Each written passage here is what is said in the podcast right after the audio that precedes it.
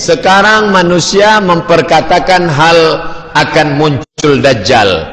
Pak Ustaz, apakah ciri-ciri pengikut Dajjal sudah muncul di dunia? Yang dikatakan sekarang sudah ada pengikutnya dari golongan homoseks, LGBT, lesbi, pemimpin yang zalim, golongan syiah, Yahudi munafik, talam dua muka. Mohon pencerahan Ustaz untuk dikongsi bersama jamaah. Bila dia kata hak, maka itu batil. Bila dia kata batil, maka itu hak. Itu ciri sifat daripada Dajjal. Dia tunjuk langit ya sama imtiri turun hujan. Dia tunjuk bumi ya ardi umbuti tumbuh tanaman. Dia tunjuk mayat ya mayat kum mayat hidup. Orang sangka ini mukjizat, padahal ini adalah perbuatan yang dimurkai Allah maka jangan terpukau menengok dia berjalan di atas air. La tartar. Jangan kau terpukau tertipu. Idza ra'aita rajul bila kau tampak ada orang yatiru fil hawa terbang di atas awan yamshi 'alal ma berjalan di atas air la tartar. Jangan tertipu kerana syaitan pun mampu melakukan itu. Tapi pandanglah pada istiqamahnya di jalan Allah pandanglah pada istiqamahnya solat berjamaah. Kerana sekarang sudah banyak dajjal yang asli belum muncul tapi cucu cicit dajjal kaki tangan dajjal sudah bermunculan datang. Dia kata ini LGBT baik dia bagi Nobel LGBT dia bagi penghargaan LGBT dia iklankan merata-rata tempat maka Dajjal sudah muncul maka syarat kita selamat daripada Dajjal lakukan tiga. Yang pertama baca surah Al-Kahfi malam Jumaat pagi Jumaat petang Jumaat baca awal surah Al-Kahfi 10 ayat bila mampu hafazkan anak-anak kita. Yang ketiga sebelum salam Allahumma inni a'udzubika min azabi jahannam wa min azabil qabri wa min fitnatil mahya wal mamat wa min syarri fitnatil masihid Dajjal Allah tolong kita insyaAllah. Intan surullah Kalau kau tolong agama Allah Allah berjanji Yansur Kum Innaka la tuhliful Mi'at Jangan takut pada Dajjal Tapi takutlah pada tak adanya pertolongan Allah. Jangan takut pada syaitan Tapi takutlah tak adanya istiqamah dari Allah. Minta tolong pada Allah. Iza sa'alta fas'alillah Wa iza sta'anta fasta'in billah. Minta tolong iyyaka na'budu wa iyyaka nasta'in. Allah berjanji Allah tak pernah ingkar janji.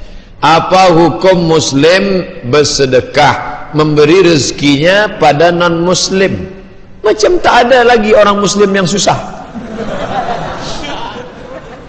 Masalah memberi sedekah pada non muslim boleh. Dalilnya mana?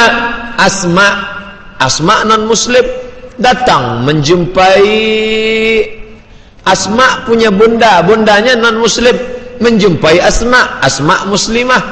Asma takut nak berjumpa dengan mak ibundanya. Maka dia bertanya kepada Rasulullah, "Ummi qadimat, emak saya datang, wahia raghibah, dia ingin betul berjumpa dengan saya. Afa asiluha? Boleh ku sambung silaturahim dengan dia?" kata Nabi siliha sila sambung boleh apa uktiha boleh aku bagi hadiah pada dia? Kata Nabi iktiha itulah dalil boleh membagi daging kurban pada non muslim jangankan sedekah daging kurban boleh engkau bagi. Jadi kalau ada orang berkata Islam ini ekstrim Islam ini teroris Islam ini menerikan kebencian siapa yang berbeza dengan engkau pancung kepalanya bakar rumahnya ambil bininya siapa yang berkata macam ini ini bukan Islam. Islam wa ma arsalnaka illa rahmatan lil alamin. Maka Islam datang membawa kedamaian. Bila engkau berkurban maka boleh engkau bagi. Tapi tentu dengan syarat kaum muslimin sudah dapat. Yang susah-susah di antara kita dapat. Tapi engkau berjiran tetangga kepada non muslim engkau bagi pada dia maka engkau pun dapat kebaikan fi kulli kabidin ratbin sadaqah. Dalam setiap hati yang basah ada sedekah seekor anjing diambil seorang perempuan jahat. Dia ambil air dari dalam perigi. Dengan sepatu kasutnya yang busuk berbau kotor. Perempuan itu kotor. Kasutnya kotor. Pada anjing yang kotor tapi tetap dapat pahala. Mengapa? Fi kulli kabidin ratbin sadaqah. Dalam hati yang basah ada sedekah ini dalil berbuat baik bukan dalil nak pelihara anjing. Ini sekarang banyak jamaah yang pandai membolak-balik ceramah ustaz. Saya tak ingin ceramah saya ini dia cut dia potong. Lepas itu dia besok berdalil ini dalil memelihara anjing Adapun orang yang memelihara anjing, sesiapa mani ketana kalban, siapa yang memelihara anjing, maka setiap hari pahalanya dikurangi sebesar bukit Uhud. Bukit Uhud itu panjangnya 7 km. Satu hari 7 km, 7 km. Amal dia sebesar bisul. Maka setiap hari min minim minim minim hilang amal sama sekali. Malaikat tidak masuk ke dalam rumah bila di rumah itu ada patung dan anjing bukan malaikat takut pada anjing malaikat tak mau satu majlis dengan anjing. Anjing herder kah anjing kampung kah anjing pudel kah? Malaikat tak mau masuk. Tapi yang tak masuk tu malaikat rahmat malaikat maut masuk. Jika masjid jaraknya 15 minit jalan kaki dan surau tiga minit dari rumah mana sebaiknya saya datang tak tengok minit. Maka mana yang dekat itu engkau buat. Tapi surau yang dekat ini tak ada kajian. Masjid ada kajian majlis ilmu datang. Yang penting jangan sampai surau musalla kosong daripada solat berjamaah kalau masjid surau kosong daripada jamaah istahwazat alaihi musyayatin satu kampung itu diganggu syaitan.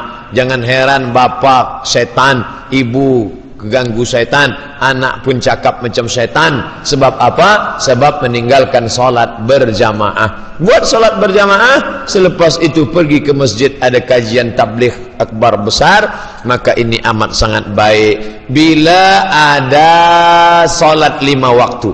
Tapi tak ada solat Jumat namanya musalla bila ada solat lima waktu ada solat Jumat namanya masjid jami. Ha, ini masjid jami. Maka disebut masjid jami kampung baru. Dulu semasa mazhab syafi'i satu negeri hanya ada solat Jumat satu. Maka disebut masjid yang ada salat Jumatnya itu masjid jami' adapun ada salat lima waktu tapi tak ada salat Jumaah namanya masjid saja tak ada jami'nya itu apa? masjid. Itu maknanya ada salat lima waktu tapi tak ada salat Jumat. Bila ada salat Jumatnya masjid jami' tapi di tempat kita bumi Nusantara muncul macam-macam istilah. Ada musola ada surau ada kalau di Jawa langgar ada madrasah ah, macam-macam itu sebenarnya masjid juga. Maka kalau masuk ke surau usolli sunatan tahiyatal masjid. Bukan tahiyatal surau. Sebab dia masjid juga. Tapi yang ada solat Jumatnya masjid jami. Pahalanya sama. Engkau kenapa tak pernah ke surau? Sebab pahala tak banyak. Kenapa tak ke masjid? Sebab masjid jauh. Dua-dua dia tak datang. Ini tak betul bagaimana hukumnya kalau orang tua tak mau membagi tanah pusaka kepada anak-anaknya? Bila ayah kita mati meninggal dunia maka ibu mendapat seperlapan kerana ada anak. Sedangkan bakinya dibagilah kepada anak. Liza karim mislu hazil unsayain ibu takut membagi sebab dia bagi nanti anak mengusir dia dari rumah itu. Anaknya tak terlampau pengganas menantunya yang dia khawatirkan. Maka oleh sebab itu dia tahan saja. Maka duduklah bersama. Bunda jangan takut jangan khawatir. Kami tidak akan usir daripada rumah ini. Harta ini masih banyak lagi abang kakak yang banyak harta ini rumah bagian kalian jaga bunda sampai malaikat maut datang. Sedangkan yang tanah di sana ada di sana kedai itu bagi kami yang rezeki agak kurang sikit kami nak jual. Wa amruhum syura bainahum. Jangan kerana sudah mengaji tahu hukum pekah ayah meninggal dipanggil bunda. Bunda duduk sini. Assalamualaikum warahmatullahi wabarakatuh. Bunda hanya dapat seperlapan sahaja. Kami nak jual rumah ni pergi out cari rumah lain. Al-adab fauqal ilmi. Adab lebih tinggi daripada ilmu. Ingat surga. Aku ingin ikut mati syahid jihad kerana orang yang mati syahid tak merasakan sakaratul maut melainkan seperti cubitan pada kulit sahaja aku ingin mati syahid ingin supaya masuk surga tanpa hisab. Aku ingin tak merasakan azab kubur. Apa kata Nabi? Alaka min ummin bundamu masih hidup masih. Ilzam rijlaiha fathammal jannah. Kau jaga dia baik-baik maka kau dapat surga. Berbaktilah kepada ibu kita. Apa betul yang boleh menggugat tanah pusaka cucu pertama dalam keluarga tersebut anak-anak ada kenapa? Cucu? Anak kalau ada ayah saya datuk. Saya punya anak. Saya punya cucu. Maka kalau saya mati yang berhak anak-anak saya. Kecuali kalau anak mati baru ke cucu. Ini cucu tak tahu diri. Kenapa dia bicara? Ayah dia masih ada lagi. Ini cucu yang tak sabar nak dapatkan harta pusaka itulah mengapa masukkan anak cucu kita sekolah agama supaya dia tahu mana hak mana kewajiban supaya tahu dia mana yang boleh dia ambil mana yang tidak. Masalah dia berilmu sains teknologi medikal teknikal amat sangat baik. Tapi masalah dia faham tunjuk ajar ilmu agama inilah yang menjadi bekal dia. Masuk ke pondok lagi baik andai tak pondok paling tidak ada lima pelajaran agama Quran hadis akidah akhlak fiqah bahasa Arab sejarah Islam. Cukuplah memadai supaya dia tak menderhaka kepada orang tua. Muhammad Yafi Zafran. Apa artinya? Muhammad terpuji. Yafi menunaikan janji. Zafran. Zafran ada dua maknanya. Kalau pakai huruf za Zafran orang yang beruntung. Kalau pakai zai ain Za'faran minyak wangi. Nah, nak pakai zafran atau zafran. Kerana orang barat dia tulis zafran. Tulis latin zafran. Sebenarnya Arabnya saya tengok za'faran. Ha, maka yang awak maksud zafran atau za'faran? Kalau zafran beruntung. Za'faran minyak wangi. Zafran za'faran beruntung sebab dapat minyak wangi elok dua-duanya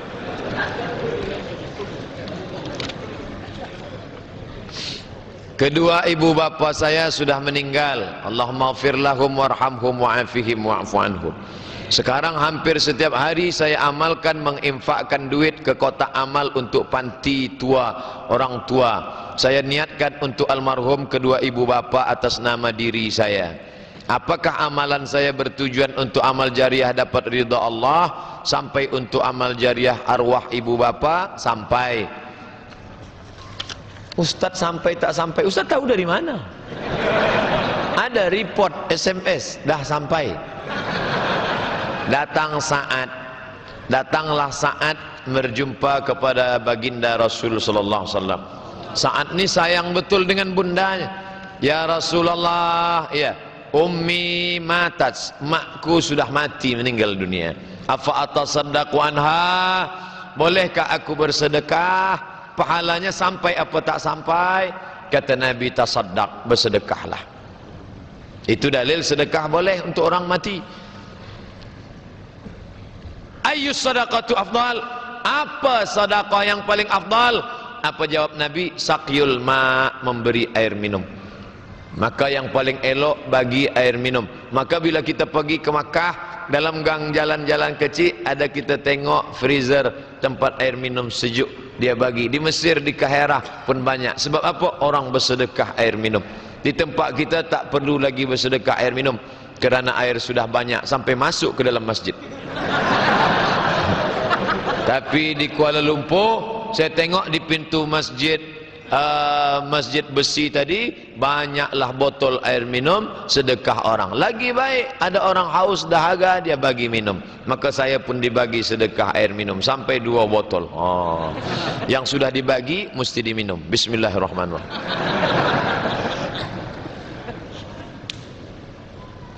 Kenapa Nabi sebut sakyul ma air minum?